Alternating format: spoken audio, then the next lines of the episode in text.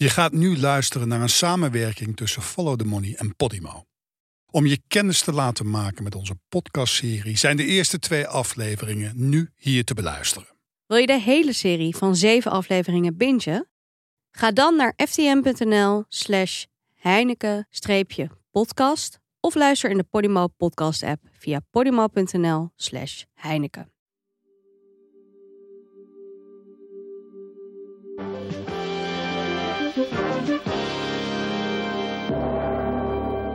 Freddy Heineken, hij is voorzitter van de raad van bestuur van de brouwerij en zijn chauffeur zijn vanavond ontvoerd. Rond 7 uur zijn ze in het centrum van Amsterdam door onbekende gemaskerde mannen in een bestelbusje gesleurd en meegenomen. Over het eisen van losgeld is nog niets bekend. Exact 40 jaar geleden, eind 1983, is ons land in de ban van de ontvoering van een van de machtigste mannen van Nederland, Alfred Heineken. De dan 60-jarige bierbrouwer rekent koningin Beatrix en prins Klaus tot zijn vrienden. Hun zoon Willem-Alexander noemt hem Oom Freddy. Hij rookt aan de lopende band sigaretten. Philip Morris Super Light. En hij is rijk. Om in de woorden van zijn ontvoerders te spreken, schat hemelrijk. Ze eisen dan ook 35 miljoen gulden losgeld.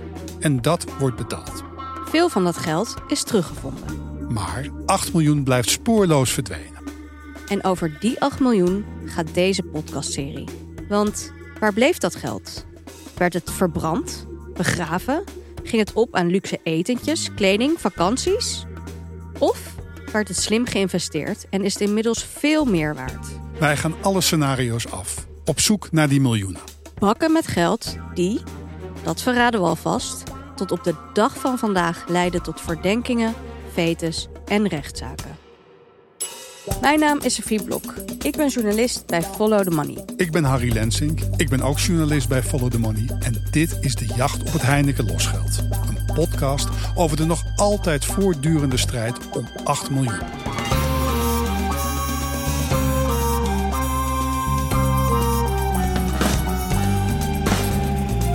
Waar is het geld? Het geld dat heeft volgens mij uh, verbrand op het strand. Heeft u eh, panden in Amsterdam, bezittingen, eh, Nee hoor, absoluut niet. bordelen? Nee, er is denk ik eh, nou, acht jaar, negen jaar onderzoek gedaan door de politie. En die hebben niet één gulden gevonden. Voor zover je van eigendom kunt spreken, want dat is allemaal gefinancierd met losgeld dat destijds voor de ontvoering van Heineken en Doderer is betaald. Wij willen het gevraagde bedrag betalen.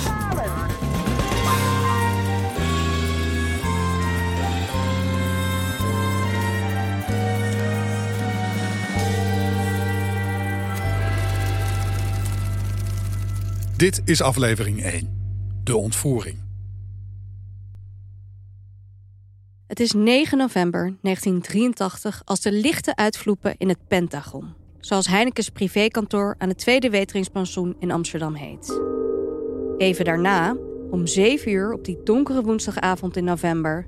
loopt Freddy Heineken samen met twee assistentes het gebouw uit. Hij kijkt om zich heen, op zoek naar zijn chauffeur Abdoder, die hem zoals altijd in een donkergroene Cadillac Fleetwood opwacht. Maar nog voordat Heineken zijn chauffeur ziet, grijpt een man met een bivakmuts hem vast. De man is lang, zo'n 1,90 meter, en draagt een kogelwerend vest. Het maakt hem nog breder dan zijn jaren van krachttraining al hebben gedaan. De vrouwen schreeuwen het uit. Een van hen schiet haar baas te hulp. Te vergeefs. Een tweede man springt tevoorschijn en spuit pepperspray in haar gezicht. Heineken stribbelt ondertussen tegen, maar kan niet voorkomen dat de man met de bivakmuts hem meesleept. Een derde handlanger bedreigt Heineken met een pistool en vuurt een waarschuwingsschot af. Heineken roept naar zijn chauffeur. Een doderer rent naar zijn baas. Maar voor hij daar is, springt een vierde man tevoorschijn en grijpt hem vast. Doderer vecht terug. Maar de man slaat hem neer en gooit hem achterin een oranje bestelbus. Daar ligt de machtige Freddy Heineken dan al op de vloer.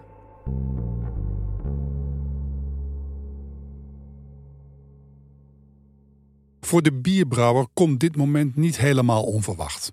Het is begin jaren tachtig, een roerige tijd waarin ontvoeringen van rijke en machtige mensen als hij niet ongewoon zijn. Het enige dat hij hoopte was dat als zijn tijd zou komen, hij te maken zou krijgen met redelijke heren. In plaats van bijvoorbeeld leden van de Rote Armee-fractie, een Duitse linkse terreurbeweging die geweld niet schuwde. Van de Rote Armee-fractie zijn de ontvoerders in ieder geval niet. Maar of deze heren redelijk zijn? Het hangt er vanaf aan wie het vraagt. Ja, het ging allemaal heel makkelijk, hè. Met de auto weg, ik achter het stuur. Jij zat achter het stuur Van het busje. Ja, en toen scheurde je weg. nou, scheuren. Ik reed gewoon weg. Heineken en zijn chauffeur zijn ontvoerd door vijf Amsterdamse vrienden. We hadden van tevoren niet verwacht dat we een van de ontvoerders zelf voor deze podcast zouden spreken. Willem Holleder zit in de zwaar beveiligde gevangenis in Vught. Cor van Hout is dood. En Frans Meijer en Martin Erkamp zitten naar verluid allebei in Latijns-Amerika. Ik besluit toch een balletje op te gooien en de andere ontvoerder, Jan Boelaert, uit te nodigen. En tot onze verbazing zegt hij, na wat aandringen, toe om een interview te doen. In juni van dit jaar verwelkomen we Jan en zijn broer George op onze redactie. Ja, wat is het? Weet jij het beter, Jos? Ja, ik weet het beter. George helpt Jan soms om dingen te herinneren. Jan Boelaert is inmiddels 70. Zijn jaren als crimineel zijn hem niet in de koude kleren gaan zitten. Hij is een stuk voller dan op de foto's uit zijn jonge jaren. Hij zit onderuitgezakt, praat wat langzaam en denkt lang na voordat hij antwoord geeft. En, eh, Maar, ah, ja, sorry. Nou, zeg wat je wilt zeggen. nou, weet ik niet meer. We gaan met hem terug naar die bewuste novemberavond in 1983. Nou, Heineken kwam met twee dames naar buiten. En toen, eh, eenmaal op de stoep, stoegen we toe. Die dames, die had ik nog met een busje pepperspray ingespoten. Maar die pepperspray was te oud, die werkte niet meer goed. Nou, toen die eh, in de auto kwam, zijn we weggereden. De ontvoerders rijden weg met hun buit. Biermagnaat Freddy Heineken en zijn chauffeur Ab Doderer. Zijn assistentes, de dames die Boelaert met pepperspray belaagden, blijven in shock achter. Ze bellen meteen de politie. Ook een langsrijdende taxichauffeur is getuige van de ontvoering. Hij ziet gedoe bij een busje waarna er twee vrouwen naar hem toe rennen en om hulp roepen. De chauffeur meldt het bij de taxicentrale, die standaard een rechtstreekse lijn met de meldkamer van de politie onderhoudt. Ze vragen de taxichauffeur het oranje busje te volgen. Terwijl er nog een passagier op de achterbank zit, scheurt hij achter de ontvoerders aan. Ter hoogte van het statige Amstelhotel ziet de chauffeur het busje tot zijn verbazing een fietstunnel inrijden. Daar staan normaal Amsterdammertjes, van die paaltjes om auto's te weren. Hij volgt hun route en ziet nog net dat de ontvoerders iemand een witte auto inslepen. Dan doemt er een man met een bivakmuts op, die een pistool op hem richt. De chauffeur zet de taxi in zijn achteruit en snelt er vandoor. Daar houdt het spoor op. Dit was mijn eerste ontvoering. Het, eh, en dat is wel de meest eh, bijzondere periode uit mijn eh, loopbaan gebleven. Dit is Gert van Beek. En hier was ook nog extra bijzonder dat er twee mensen ontvoerd waren. En het was voorstelbaar dat een van de twee omgebracht zou worden. Om daarmee druk op die onderhandelingen te zetten om te voldoen aan de eis. In 1983 is Van Beek 31 en net een half jaar chef van het bureau Zware Criminaliteit. Op die novemberavond zit hij nog rustig in de collegebanken voor een bijspijkercursus rechercheren. Helemaal aan de andere kant van het land. En zo snel eh, als eh, de sterke westenwind eh, toelaat, rij ik in mijn eh, lelijke eend naar Amsterdam. De hele top van eh, de recherche in Amsterdam eh, zit al op het eh, hoofdbureau. Ook de burgemeester zit daar, de hoofdofficier van justitie, de procureur-generaal, eh, allerlei hotemetoten. En die zijn aan het overleggen, omdat het ook nog niet eh, helemaal duidelijk is eh, wat de claimbrief gaat worden. Wat wel duidelijk is, Van Beek gaat samen met een collega het snel bijeengesprokkelde opsporingsteam van de Amsterdamse politie leiden. Het is dan nog maar een paar uur nadat de ontvoerders een van de prominentste zakenmannen van Nederland midden in Amsterdam een busje insleurden. Iedereen is in opperste staat van paraatheid. Maar eigenlijk weten ze nog niet veel. En dat dringt eigenlijk de uren daarna tot ons door. Dat het een eh, bijna psychologisch ingewikkeld eh, verhaal is. Het, het grote vermoeden is wel dat het om geld zal gaan. Maar dat is nog niet voor 100% eh, vastgesteld. De politie staat voor een raadsel. Hebben ze te maken met een georganiseerde bende? Gaat het om een Nederlandse groep? Of zijn het buitenlanders en is Heineken al lang de grens over? En hoe groot is het risico dat de slachtoffers het er niet levend vanaf zullen brengen? Uh, rond een uur of half elf die uh, avond, die woensdagavond, worden we gebeld door de politie uh, Haaglanden. Er blijkt een envelop op de deurmat gedeponeerd te zijn. De wachtcommandant die maakt die envelop open en daar rolt meteen een paspoort uit van ene Albert Doderer. Nooit van gehoord. Ja, Joop Doderer, dat was Fiebertje, maar dat is lang vervlogen tijden. In de envelop die de politieagent openmaakt zit het paspoort van Ab Doderer. En een chic horloge. Dat blijkt van Freddy Heineken. En er zit nog iets in. Een tweede envelop. Met bestemming de Ark. Dat is het gigantische landgoed in de duinen van Noordwijk waar Heineken woont. Nou, denkt die politieman, als die echt voor uh, Heineken bestemd was, dan uh, hadden ze hem daar maar moeten bezorgen. Mijn ambtelijke nieuwsgierigheid dwingt mij om die envelop te openen. Dan ziet hij dat daar een brief in zit en die begint met: Dit zijn de eisen van de ontvoerders van Heineken. Wij onderhandelen niet, wij eisen. Uitroepteken, uitroepteken. Wij eisen een losgeld ter terugverkrijging van Heineken en chauffeur. Onze eisen moeten stipt uitgevoerd worden. Alle wijzigingen of veranderingen van de eisen, hoe klein dan ook, door u niet stipt uitgevoerd, is ten uw verantwoording. Wij eisen. Het losgeld moet in de volgende valuta's betaald worden.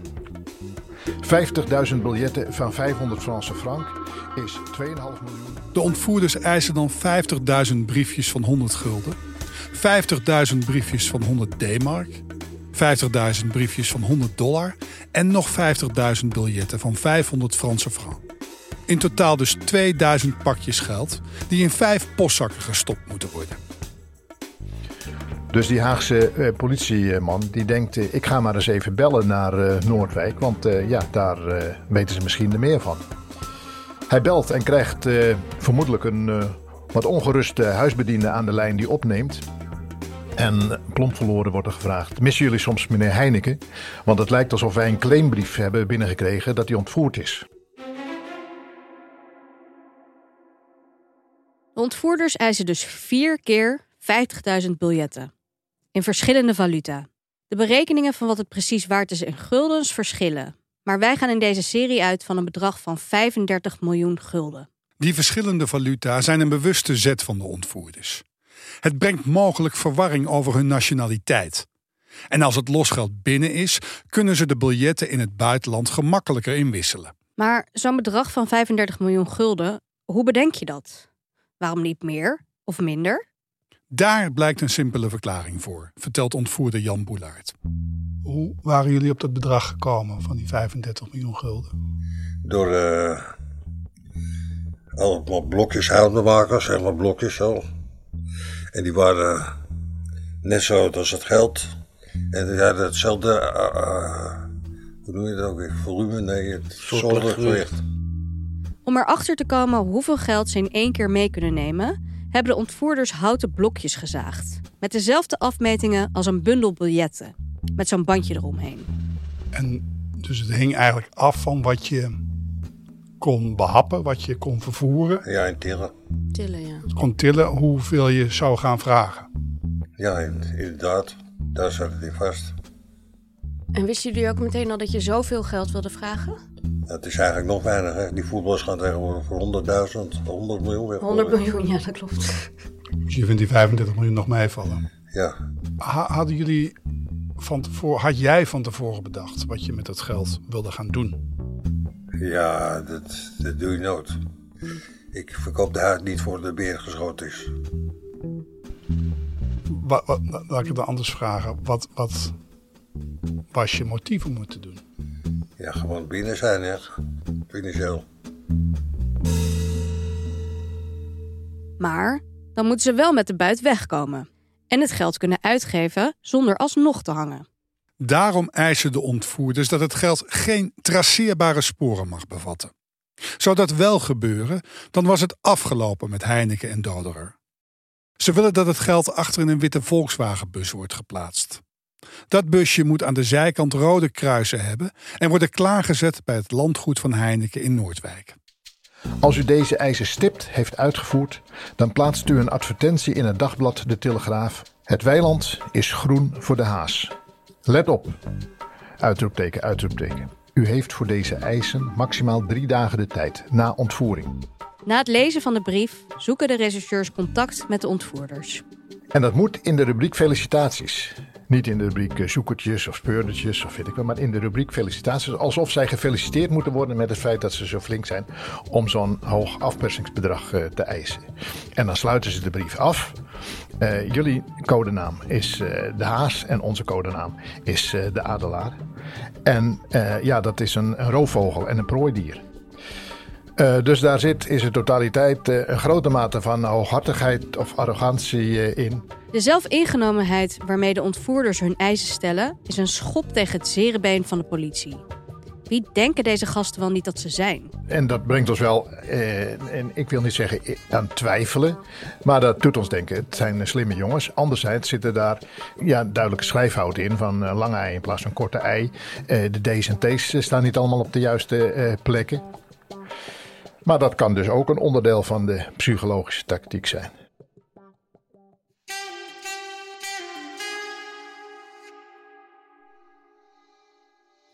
Ondertussen worden Heineken en Doderer naar industrieterrein De Heining gebracht.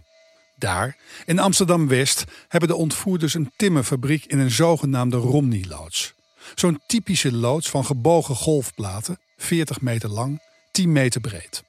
In de maanden voor de ontvoering heeft Jan Boelaert hier twee cellen gebouwd. Wat had je in gedachten toen je uh, daarmee bezig was met het bouwen van die twee onderkomens in de heining? Wat, waar moest dat aan voldoen? Het moest uh, geluid, geluiddicht zijn. En verder? En verder toch wel een uh, klein beetje comfortabel. Boelaert bouwt twee van elkaar gescheiden cellen, verstopt achter een dubbele wand, helemaal achter in de loods. Daar zetten ze hun slachtoffers met kettingen aan de muur. In de deuren zitten kijkgaatjes, zodat ze de heren in de gaten kunnen houden. En er zijn babyfoons om boodschappen door te geven, maar ook om de gijzelaars af te kunnen luisteren. In beide cellen een kaal matras en een klein chemisch toilet. Heineke en Doderer kunnen elkaar niet zien. En de ontvoerders zien ze ook niet, want die verbergen hun gezicht. Daarbij praten ze gebrekkig Duits. Ze zijn dus met z'n vijven. Nog een keer de namen. Willem Holleder, Cor van Hout, Frans Meijer, Jan Boelaert en Martin Erkams. Ze groeien allemaal op in Amsterdam. Boelaert vertelt hoe ze elkaar in de jaren 70 hebben leren kennen. Frans heb ik ontmoet in een vechtpartijtje in de Franstraat. En Cor was een vriendje van Franse broer, Harry. En die, die begon met ons op te trekken. En ik las ergens dat je um, zegt dat, dat, dat, jij en Frans eigenlijk uh, Cor min of meer hebben opgeleid. Ja, dat klopt.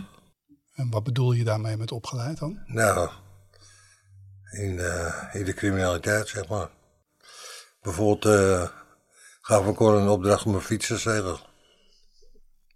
En dat deed hij En dat deed hij dat? Dat deed hij, ja. En Willem, die kwam er later bij? Willem, die kwam er veel later bij. De vrienden hebben bijnamen voor elkaar. Zo wordt Willem Holleder de Neus genoemd, een verwijzing naar zijn flinke gok. Ook voor Jan Boelaert hebben ze iets bedacht.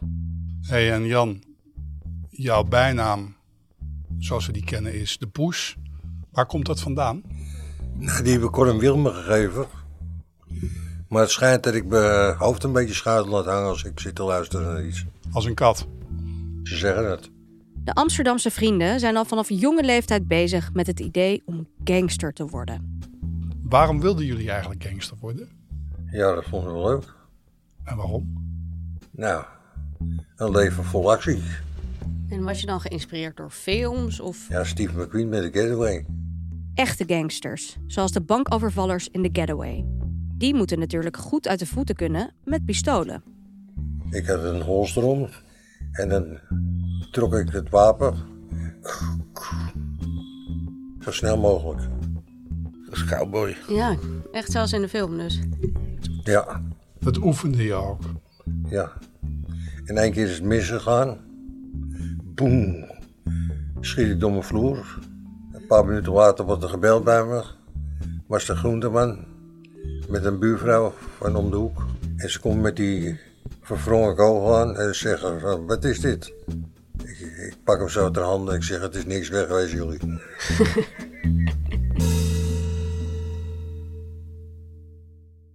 Amsterdamse jongens met een verlangen naar een leven vol spanning en sensatie. Maar hoe kom je van fietsen stelen, via met pistolen spelen, uit bij een ontvoering van deze omvang? Iets waar zoveel voorbereiding aan vooraf ging. Nu worden er in de jaren voor de Heineken-ontvoering een aantal gewelddadige overvallen gepleegd in Amsterdam. De mannen achter de Heineken-ontvoering zijn daar nooit voor vervolgd.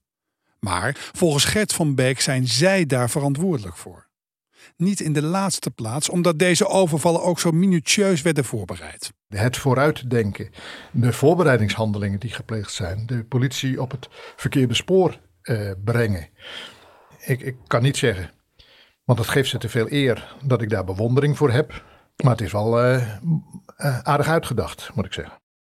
Maar goed, een overval, hoe ingenieus ook, is anders dan een ontvoering. Was dat jouw, eh, was dat jouw werk of, of hadden jullie dat met z'n allen bedacht? Hoe, hoe is dat gegaan, dat nadenken over eh, hoe je dat dan doet, zo'n ontvoering zo goed? mogelijk? Nadenken, dat werd altijd met z'n allen gedaan. We hadden geen bazen. Iedereen was gelijk. Nou, Willem iets minder. Maar we hadden geen bazen. Wie in ieder geval niet de baas is, Martin Erkamps, ook wel Remmetje genoemd. Hij is het halfbroertje van Cor van Hout. Hij is pas later bij de voorbereidingen betrokken en zijn handlangers zien hem niet echt als een volwaardig lid van de club. Maar in de weken dat Heineken en Doderer vastzitten, heeft hij wel een belangrijke taak. Wie zorgde er voor hen in die periode dat ze vast hebben gezeten? De jongste telg, Martin Ergams. En jij, heb jij daar nog een rol in gehad? Nee, ik heb, geen, eh, ik heb een nieuw laten zien. Ben je wel in de heining geweest in die weken dat zij daar zaten? Of... Ja, Maar niet in de cellen zelf. nee.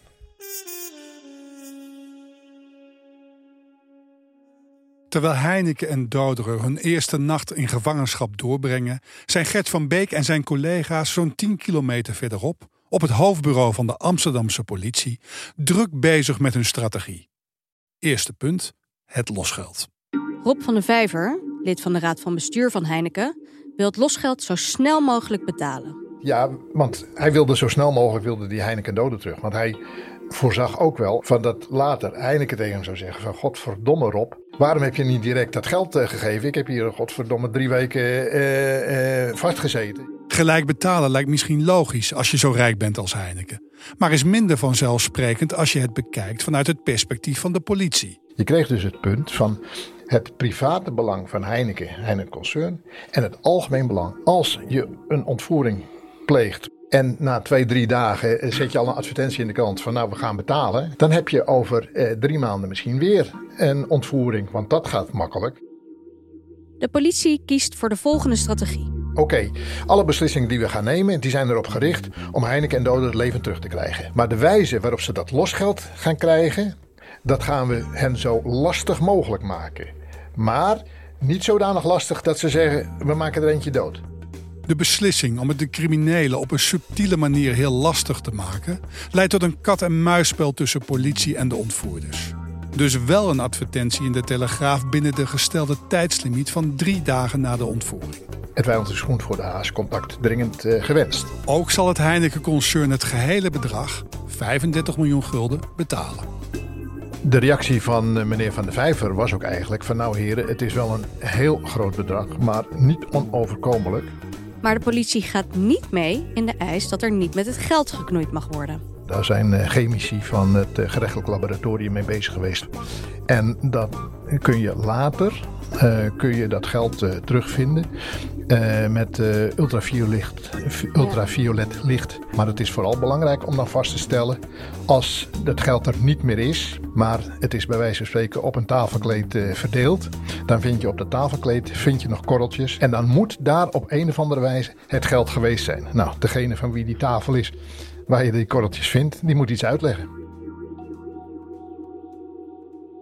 Alleen, voordat de laboranten met de biljetten aan de slag kunnen, moet het geld er wel zijn. Het bierconcern heeft zo'n bedrag niet zomaar ergens op de plank liggen. Gelukkig kent Rob van der Vijver de juiste mensen. Nou, contacten bij eh, de Nederlandse bank, die worden gebeld. En daar eh, is de reactie van, nou, die 50.000 biljetten van 100 gulden, die hebben we beneden wel in de kluis liggen. En voor die andere eh, biljetten moet ik weer even bellen met mijn collega's van de andere centrale banken.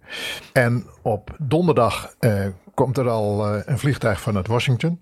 We gaan met een helikopter van de Rijkspolitie gaan we naar Frankfurt om de 50.000 uh, biljetten van uh, 100 Duitse D-mark op te halen.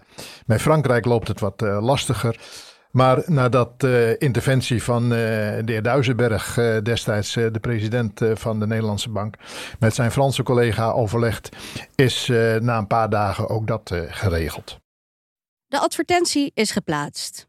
Het geld is bijeengebracht en ligt veilig in de kluizen van de Nederlandse bank. In bundels van 100 biljetten met twee elastiekjes eromheen, want zo stond het in de claimbrief. Verder tast de politie nog compleet in het duister.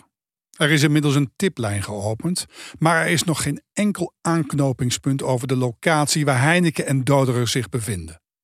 En ook over de identiteit van de ontvoerders weten ze nog niks. De politie kan maar één ding doen. En dat is heel goed voorbereid zijn op het moment dat de ontvoerders weer contact opnemen. Ze zorgen ten eerste dat een agent in Heinekens villa aanwezig is. Die is ingekwartierd in eh, de Ark in Noordwijk en die staat Ellie dag en nacht, 24 uur per dag staat hij bij. Ellie is Ellie van Gaans, Heinekens secretaresse. Aan haar de taak om de telefoon op te nemen als de ontvoerders bellen. De agent helpt haar om bepaalde tactieken in te zetten. Bijvoorbeeld ervoor zorgen dat de ontvoerders zo lang mogelijk aan de lijn blijven. Dat vergroot de kans dat ze de locatie van de beller kunnen traceren. En wij hebben dus op de Ark in Noordwijk hebben wij een vang geplaatst. Want wij wilden weten, ja, die lui die bellen niet vanuit een huisadres natuurlijk, maar wellicht bellen ze vanuit een pompstation. He, daar heb je ook wel uh, telefooncellen. En als je nu kon vaststellen dat tankstation en ze hebben ook nog een camera, kon je misschien vaststellen een silhouet enzovoort. Ellie van Gaans en de agent krijgen beide een kamer. Er is natuurlijk genoeg ruimte op het gigantische landgoed in de Noordwijkse duinen. Naast het grootste huis, waar Heineken en zijn vrouw wonen, staan nog vier villa's. De secretaresse en agent verblijven dag en nacht op de ark, wachtend op een telefoontje, op een brief, op iets.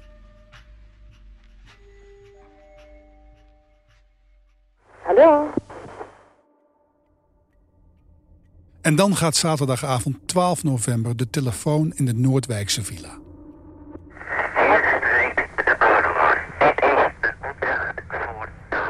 Dit is een bericht van de Adelaar. En dat, uh, nou ja, dat klinkt uh, behoorlijk Amsterdams. En die geeft een opdracht om te gaan naar uh, Centraal Station in Utrecht. Een bagagekluis waar nader bericht ligt.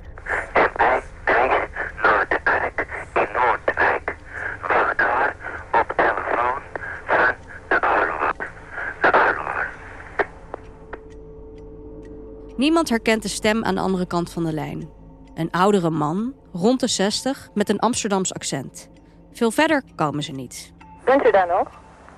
Is het een band of bent u daar in levende lijf? Als u er in levende lijf bent, dan wil ik u dringend verzoeken om wel iets tegen mij te zeggen. Heel dringend. Bent u daar nog? Dan, dan vraagt Ellie aan het eind: Bent u dit in levende lijven of is het een band?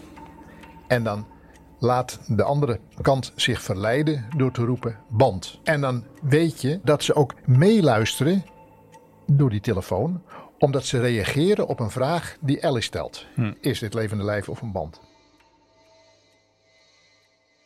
Dan hangt de persoon aan de andere kant van de lijn snel op. Maar er is contact. En er ligt een opdracht.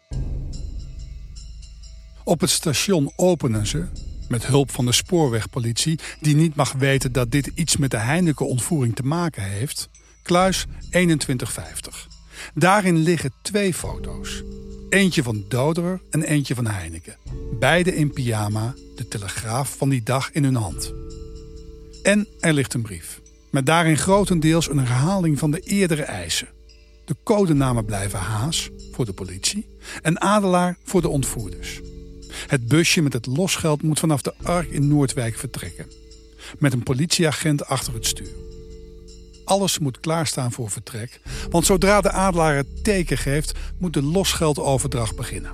De brief bevat ook een nieuw dreigement. In rode letters staat er: Als de onderhandelaars de eisen niet opvolgen, kunnen zij de lijken terugkopen. Maar de politie is vastbesloten de regie in handen te houden. Je ziet, en dat is de tactiek dus in een criminele ontvoering. Je stelt het geld beschikbaar. We willen betalen, maar zo kan er niet betaald worden. En dan zijn de belangrijkste eisen: we willen een ander vertrekpunt. En we willen ook een teken van leven op het moment van overhandiging van het losgeld. Want voor plat gezegd, voor een dode ga je niet uh, betalen. Ellie van Gaan zal deze voorwaarden bij een volgend belletje van de adelaar door moeten geven. Dat telefoontje komt op woensdag 16 november, net na middernacht. Hallo? Het is... Spreek de adelaar. Van Gaans neemt de telefoon op en hoort opnieuw een bandje. Ze probeert op de ontvoerders in te praten. Hallo, luister naar me. Dit is heel belangrijk. Luister in godsnaam naar me. Met de Wij willen het gevraagde bedrag betalen. Luister nu naar. Dit is belangrijk. Tevergeefs. Daarna verbreekt de verbinding. De boodschap? De haas moet binnen 10 minuten naar Schiphol rijden. Maar dat doet de politie niet. In overleg met het Heineken-concern besluiten Gert van Beek en zijn collega's om niet in te gaan op de eisen. Ze zijn daar domweg nog niet klaar voor. Ze willen eerst hun eigen voorwaarden kunnen doorgeven. De ontvoerders vreten zichzelf ondertussen op. Volgens hun planning hadden ze het losgeld inmiddels al lang en breed binnen moeten hebben. En dan hadden ook Heineken en zijn chauffeur gewoon weer thuis bij hun vrouw op de bank gezeten. Het had helemaal niet zo lang hoeven duren. De politie heeft het zo lang gemaakt. Want uiteindelijk heeft hij het niet verdiend om drie weken daar te zitten. Als dat toch betaald gaat worden. Dus het is eigenlijk de, de, de Nederlandse staat die ervoor heeft gezorgd dat het zo lang heeft geduurd, vind je? Ja, het is zo. Het is een sentiment dat de ontvoerders steeds herhalen. Wij wilden het goed doen. Heineken en Doderer zouden binnen een mum van tijd weer vrij zijn. Als de politie maar gewoon had gedaan wat wij wilden. Het past in het verhaal van ondeugende boefjes die gewoon wat geld wilden verdienen. Maar laten we wel wezen, Heineken en Doderer moeten doodsangsten hebben uitgestaan. De mannen, 60 en 57 jaar oud, zijn met geweld ontvoerd en in provisorische cellen gegooid. Doderer met een zwaar bloedende hoofdwond. Ze sliepen op een kaal, vochtig matras, vlak naast het kleine chemische toilet waar ze hun behoeften moesten doen. Heineken stelde na de ontvoering licht getraumatiseerd te zijn en sprak er liever niet over. Ab Doderer kwam er compleet gebroken uit. Hij ging wel eens langs bij het politiebureau. Nou ja, en dan eh, zagen ze Ab eh, gewoon helemaal down zijn. En Hmm. dan eh, zei hij natuurlijk dat het wel ging. En, maar dat hij er nog veel moest terugdenken. En dat hij vooral bang was eh, voor die bedreigingen. In de brief waarin eh, staat dat eh, Heineken en Doder niet mee mochten werken met de politie. eh, wat zou kunnen leiden tot de aanhouding van de daders. Stond ook opgenomen dat eh, hun organisatie was eh, enorm groot. En ze zouden hen altijd weten te vinden. En ze moesten dan de rest van hun leven zouden ze in een bunker moeten doorbrengen om een beetje veilig te zijn. En dat had Doder zich enorm aangetrokken.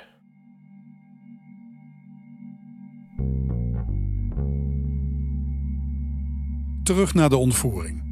De politie is niet ingegaan op de eisen van de criminelen, maar de tijd begint te dringen. Heineken en Doderer zitten al anderhalve week vast. En de rechercheurs hebben nog altijd geen idee waar ze zitten en wie ze vasthoudt. Enige wat erop zit, opnieuw contact zoeken met de ontvoerders. We geven op eh, maandagavond een advertentie op. Weer het vijand is groen voor de haas. En we zeggen daar nadrukkelijk bij: om praktische redenen is contact dringend gewenst. Op dinsdagochtend 22 november zit Ellie van Gaans in de werkkamer van haar baas. Naast haar zit de agent die de onderhandelingen begeleidt. Dan gaat de telefoon. Spreek de. Het is dezelfde stem als in het eerdere bericht. Een oudere man met een vet Amsterdams accent. Later zal blijken dat het Ab Doderer was die de bandjes moest inspreken, maar op dat moment herkent niemand zijn stem. Er gaat een zucht van verlichting door de werkkamer. Er is weer contact. Nu is het aan Van Gaans om de voorwaarden van de politie door te geven, zoals een ander vertrekpunt voor de losgeldrijder en nieuwe foto's van Heineken en Doderer als een teken van leven. En daarvoor krijgt ze bij een volgend telefoontje gedurende 20 seconden de kans. Een dag later geeft de adelaar de volgende opdracht door. Ga naar de A4 richting Den Haag-Amsterdam. Daar, achter kilometerbordje 5,8, ligt een brief. En in die brief staan nieuwe eisen, waarin ook gehoor is gegeven aan de voorwaarden die Van Gaans een dag eerder stelde. De codenamen worden gewijzigd. De adelaar wordt de uil en de haas wordt de muis. Ik merk op dat er sprake is van eenzelfde machtsverhouding, een roofvogel en een prooidier. Het vertrekpunt van de chauffeur, tussen haakjes de muis, wordt gewijzigd. De witte VW transporterbus met rode kruisen wordt door u direct vervangen door de door ons gebruikte oranje Renaultbus of eenzelfde bus. Oranje. Voer al deze opdrachten direct uit, staat er. Ze hebben de strop al om. Dwing ons niet om alvast een leven als voorbeeld te moeten nemen. Lijken terugkopen is niet meer mogelijk. De brief bevat ook twee nieuwe foto's. Heineken en Doderer met een strop om hun hals en Mitella om hun schouder. Onder die Mitella zouden hun verminkte handen zitten, die elk een vinger missen. Straf, omdat de politie zich niet aan de afspraken hield. De politie heeft al die tijd geen idee met wie ze communiceren. Maar dan krijgen de rechercheurs een belangrijke tip onder ogen, die een week eerder al binnenkwam, maar waar ze door de overweldigende hoeveelheid tips nog niet aan toe zijn gekomen. In die tip wordt gesproken over een groep van vijf mannen, waarbij de drie met naam en toenaam worden genoemd: Cor van Hout, Frans Meijer en Jan Boelaert. Dus verder nog eh, wordt de naam van ene Griffioen genoemd. En dat zou later dan Griffhorst hebben kunnen zijn. En, uh, en blijft ook uh, onbekend. Ik kan nu al zeggen, de naam Willem Holleder wordt in die tip uh, niet genoemd. En die eh, mannen die zouden zich ophouden in een eh, bedrijventerreintje eh, in het westelijk havengebied. Dat terrein heet Heining. Dat is een terrein met oud ijzerhandels, auto's, groot, dat soort gedoe. De politie start direct met observatie rondom de Heining. Ze graven kuilen en zetten daar van die witte tentjes overheen. Alsof ze kabels aan het leggen zijn.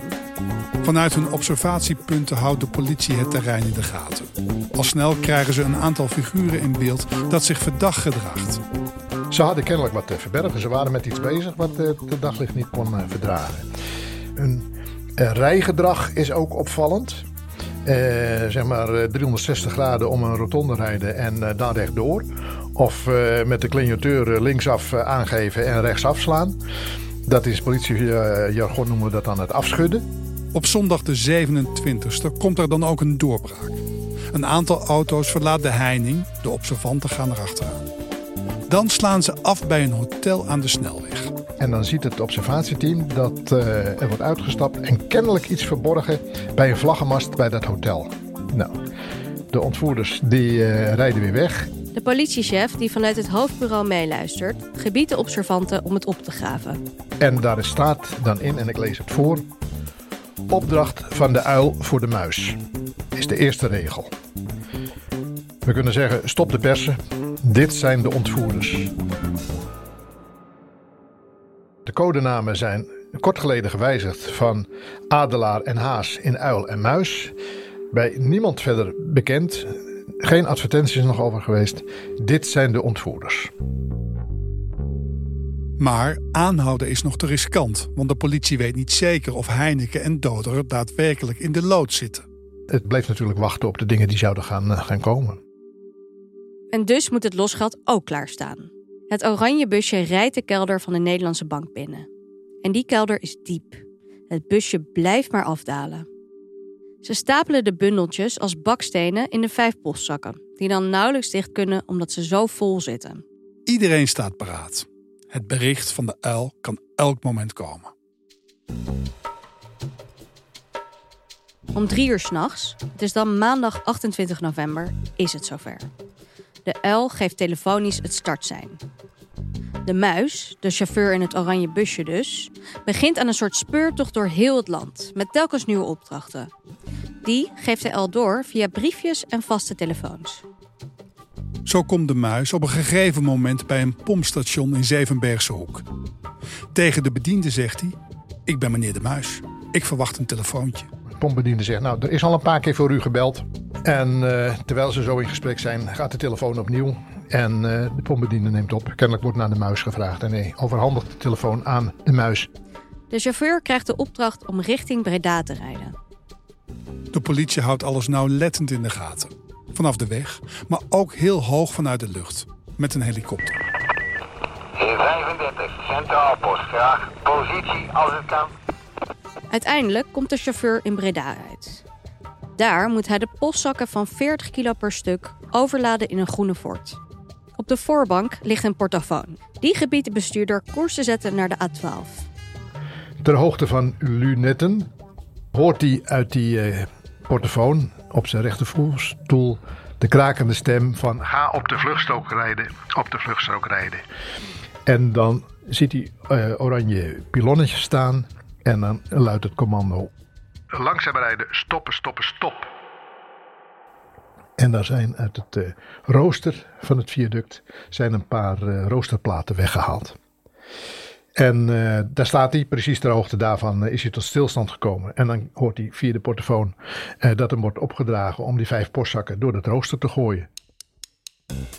En daar, onder het viaduct, staan Jan Boulaert, Frans Meijer en Cor van Hout. De losgeldzakken rollen naar beneden en de mannen tillen de zakken zo in de open laadbak van de vluchtauto.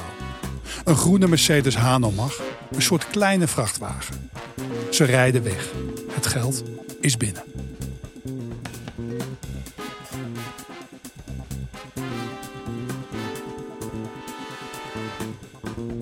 Je luisterde naar aflevering 1 van de Jacht op het Heineken Losgeld. Een co-productie van Dag en Nacht Media en Follow the Money. Deze podcast maakte ik, Sophie Blok, samen met Harry Lensink.